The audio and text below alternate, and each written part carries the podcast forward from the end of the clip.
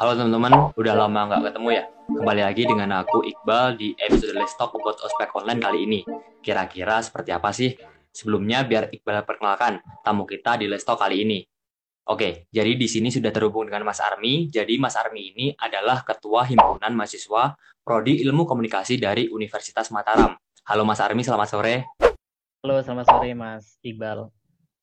Jadi gini, seperti yang kita ketahui bersama, ospek kan tujuannya untuk mengenalkan mahasiswa baru tentang dunia kampus. Kalau offline kan kita bisa tahu nih, sejauh mana sih pemahaman para mahasiswa baru ini di lingkungan baru mereka. Nah, kalau di masa pandemi seperti saat ini, mau gak mau ospek kan diadakan online ya. Ada gak sih mas cara alternatif atau tips buat mengatasi situasi seperti saat ini? Silakan Mas Armi. Ya, terima kasih Mas Iqbal.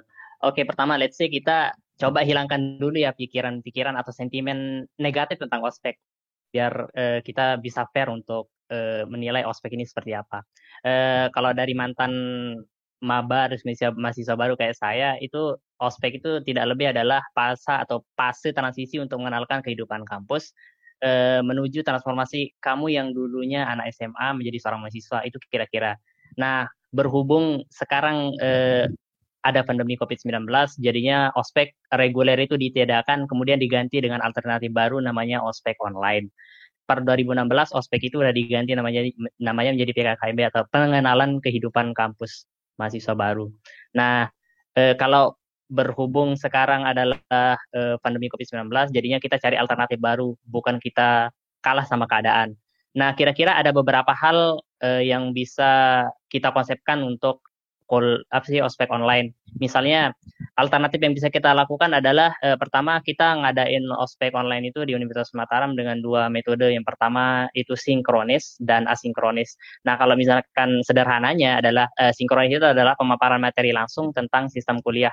Dan yang kedua asinkronis itu adalah biasanya adalah materi-materi e-learning atau video edukatif dan bisa juga e, diberikan tugas-tugas berupa tugas kepada mahasiswa baru itu kira-kira. Nah di masing di ospek ini juga alternatif yang bisa kita lakukan yang pernah kita konsepkan yang pertama itu yang pasti kita memberikan materi itu adalah materi wajib dari Belmawa sendiri yang udah di misalnya tentang e, uh, bela negara, anti radikalisme, etika dan budaya, kehidupan kampus, kegiatan mahasiswa, entrepreneur dan sebagainya. Kira-kira itu materi wajib yang harus disampaikan kepada mahasiswa baru. Kemudian yang kedua adalah kalau di kita itu ada namanya skill akademik. Uh, skill akademik itu uh, materinya itu tentang kampus, misalnya uh, mahasiswa bisa menyelesaikan program studi menjadi sarjana itu berapa SKS misalnya kalau di sini 144 sampai 148 SKS misalnya kemudian ada video profile tentang program studi, kemudian sistem perkuliahan dan sebagainya. Kemudian selanjutnya adalah ada general skill, misalnya apa sih yang dilakukan biasanya di ilmu komunikasi, apakah cuma entertain saja atau akademik saja. Biasanya mahasiswa atau calon mahasiswa itu datang dari latar belakang berbeda itu akan disatukan di program studi kita menjadi eh, general skill itu yang kita berikan nanti misalnya kita harus bisa entertain juga menjadi eh, nge-branding sebuah eh, brand misalnya dan sebagainya. Dan yang terakhir itu ada soft skill. Ini yang pasti harus didapatkan oleh mahasiswa baru. Misalnya eh, hal-hal pengabdian sosial, kemudian sosial itu misalnya pengabdian masyarakat, semisal membantu teman-teman atau membantu masyarakat di sekitarnya dalam bentuk video misalnya dan sebagainya. Dan yang kedua adalah e, materi tentang profesional e, skill. Yang itu profesional skill maksudnya e, yang karena kita latar belakang ilmu komunikasi, jadi harus ada materi tentang jurnalisme dan e, PR atau public relation. Jadi itu saja kalau dari kita konsep yang ada di kita terkait ospek online. Oke, uh, di setiap acara pastinya ada nih yang namanya kelebihan dan kekurangan ya Mas ya. Menurut ya. Mas Armi, plus minusnya ospek online ini seperti apa aja sih? Oh ya, memang benar-benar apa pun acaranya pasti ada plus dan minusnya. Kalau plusnya ya kita mulai dari plusnya aja. Eh, yang pertama plusnya itu adalah kita benar-benar bisa mengoptimalisasi teknologi eh, dan benar-benar bersiap untuk memasuki era disrupsi eh, revolusi industri 4.0 misalnya yang segala beberapa hal dalam kehidupan kita digantikan oleh teknologi atau dipermudah oleh teknologi. Seperti kalau kita eh, ospek itu kita kan memakai aplikasi telekonferensi misalnya Google Meet atau Zoom Zoom In dan sebagainya. Dan yang kedua uh, plusnya itu adalah kita bisa ospek atau PKKMB itu lah di mana saja, nggak harus di kampus datang ke kampus, kita bisa di rumah juga, kita bisa di depan rumah juga, atau di rumah teman, tetangga dan sebagainya misalnya.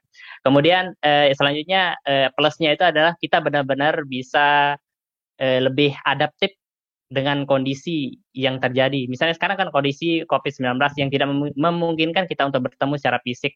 Oleh karenanya ospek reguler ditiadakan kemudian diganti dengan ospek online dan kita bisa e, mencari alternatif di tengah kondisi kita yang tidak memungkinkan seperti ini. Jadi kita bisa lebih adaptif, adaptif lah dengan kondisi seperti sekarang lah istilahnya. Kemudian itu aja kalau untuk um, plusnya mungkin masih banyak yang belum kita gali juga atau sampaikan. Selanjutnya untuk minusnya yang bisa kita uh, berikan juga bisa share kepada teman-teman. Uh, minusnya itu adalah pertama pasti akses internet itu tidak merata atau tidak tersedia di semua wilayah kalau di Universitas Mataram sekitar hanya 126 lebih mahasiswa yang berasal dari luar daerah atau provinsi NTB. Sisanya itu berasal dari provinsi NTB.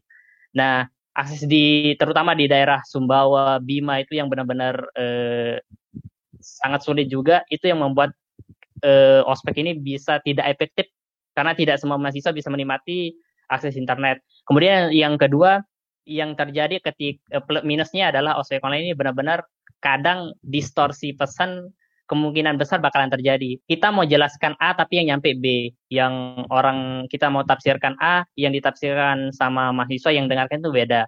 Karena kalau misalkan kita ketemu secara fisik, kita ada gerakan-gerakan yang bisa menjelaskan lebih lanjut apa yang mau kita, apa yang sedang kita apa, eh, omongkan misalnya. Itu kalau dari ilmu komunikasi.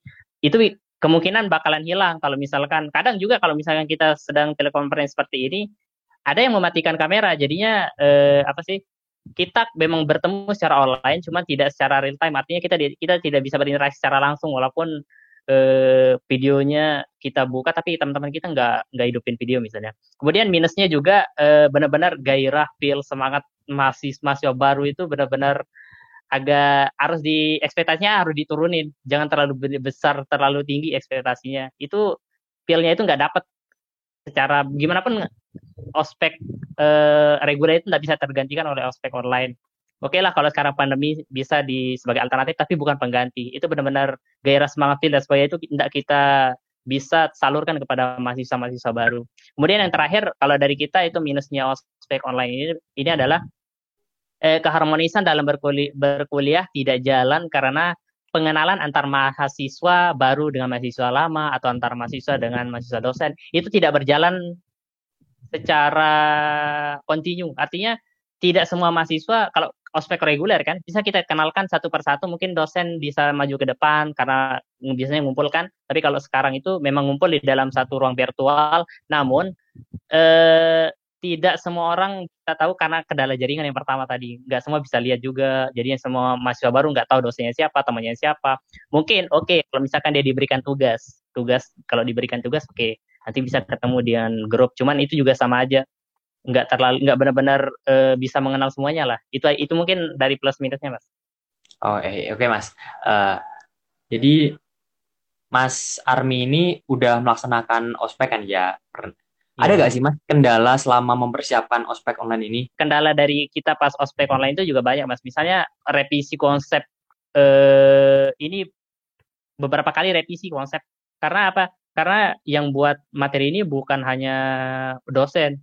Kadang ke mahasiswa kadang mahasiswa ke dosen lagi. Itu pun masing-masing harus direvisi juga. Contoh aja misal buat video edukatif video profil prodi atau video profil universitas itu benar-benar beberapa kali harus direvisi. Itu beberapa konsep itu harus dirubah juga. E, momen brainstorming itu yang biasanya bikin konsep ini lama juga mas. Karena kita harus benar-benar memikirkan bahwa apa yang kita berikan kepada mahasiswa ini berdampak pada mahasiswa. Yang pertama itu eh, Yang kedua kendala kita adalah penyaluran bantuan kuota eh, tidak merata, mas. Eh, artinya bukan kita eh, tidak eh, pilih kasih lah istilahnya, eh, kasarnya pilih kasih. Cuman Eh, pertama kan kita kalau di Universitas Mataram itu menyalurkan kuota bantuan itu kepada calon mahasiswa baru melalui aplikasi link aja. Itu semacam aplikasi payment misalnya kayak OVO, kayak ShopeePay dan sebagainya. Tapi dalam bentuk eh, aplikasi link aja. Nah, itu nanti diberikan kuota sebesar 50.000 50.000 nanti 50.000 itu bisa dipakai oleh mahasiswa baru untuk mengakses membeli paket internet selama beberapa hari ke depan untuk ospek online. Nah, untuk penyaluran ini terkendala karena pertama mahasiswa itu tidak isinya gaptek lah istilahnya nggak semua tahu kalau bagaimana cara mengoperasikan aplikasi link aja.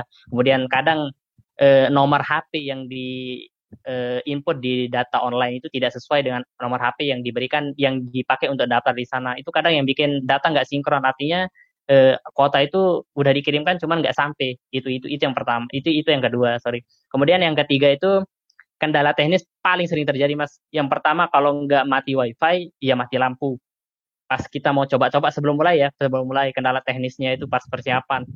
Kadang juga eh, ini sering eh, mikrofon sama video kayak kita pakai TV box sama Videotron atau Videotron lah biasanya gitu. Itu sering eh, terputus lah koneksi dan sebagainya juga eh, video delay antara suara dengan video itu enggak sing enggak enggak apa ya enggak enggak enggak enggak sesuai enggak enggak sinkron lah istilahnya. Ada yang kecepatan ada yang itu itu yang pertama benar-benar dari sisi teknologinya. Kemudian yang selanjutnya adalah eh, pembuatan materi berbentuk video yang eh, memakan waktu sangat-sangat lama mas. Eh, artinya kita kira-kira sekitar dua bulanan karena baru kemarin eh, resmi bahwa baru bulan kemarin resmi bahwa eh, PKKMB di sini itu online.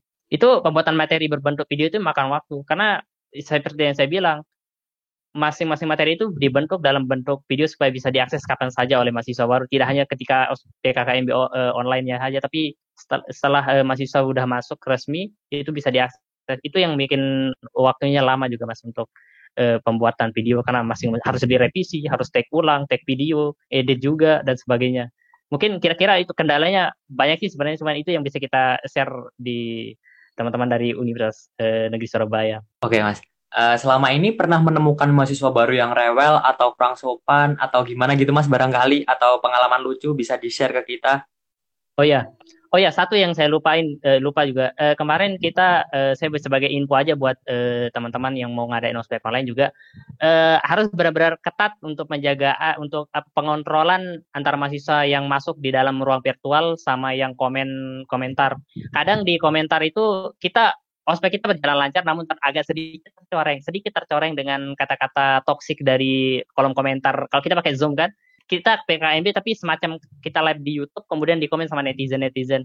Itu sih harus benar-benar diperketat nggak boleh ada kata toksik karena kita mau karena kita harus sama-sama bisa e, menghargai lah e, dosen dan e, pemateri sedang menyampaikan materi kita harus bisa mendengar supaya kita kira nggak ada yang saya bilang tadi distorsi pesan nggak terjadi. Jadi pesan itu tersampaikan sesuai apa yang e, disampaikan sama pemateri. Dan dan yang terakhir untuk mahasiswa kadang bukan bilang rewel ya cuman benar-benar datang dengan kepala kosong beberapa mahasiswa. Tapi saya tidak mengeneralisasi semua mas, eh, calon mahasiswa itu seperti itu. Cuman beberapa yang yang chat ke saya itu juga eh, mahasiswa itu kita berikan panduan beberapa panduan. Hanya saja eh, bukannya dibaca, cuman malah malah semuanya ditanya. Artinya eh, sebenarnya apa yang dia dia tanyakan sudah ada di di dalam panduan itu, cuman nggak dibaca. Artinya tapi kita harus bisa sabar perlahan satu persatu karena masih mahasiswa baru kita harus bisa jelasin oke okay. baik mas uh, terima kasih karena sudah mau berbagi pengalamannya mas Armi saya rasa ya. cukup let's talk kita kali ini terima kasih banyak mas Armi dari Universitas ya, Mataram ya. karena sudah mau menerima undangan kami semoga ke depannya selalu diberikan kelancaran kesehatan dan kita dapat bertemu di kesempatan lain ya dengan senang hati Sekian teman-teman, terima kasih dan sampai jumpa di episode Let's Talk selanjutnya.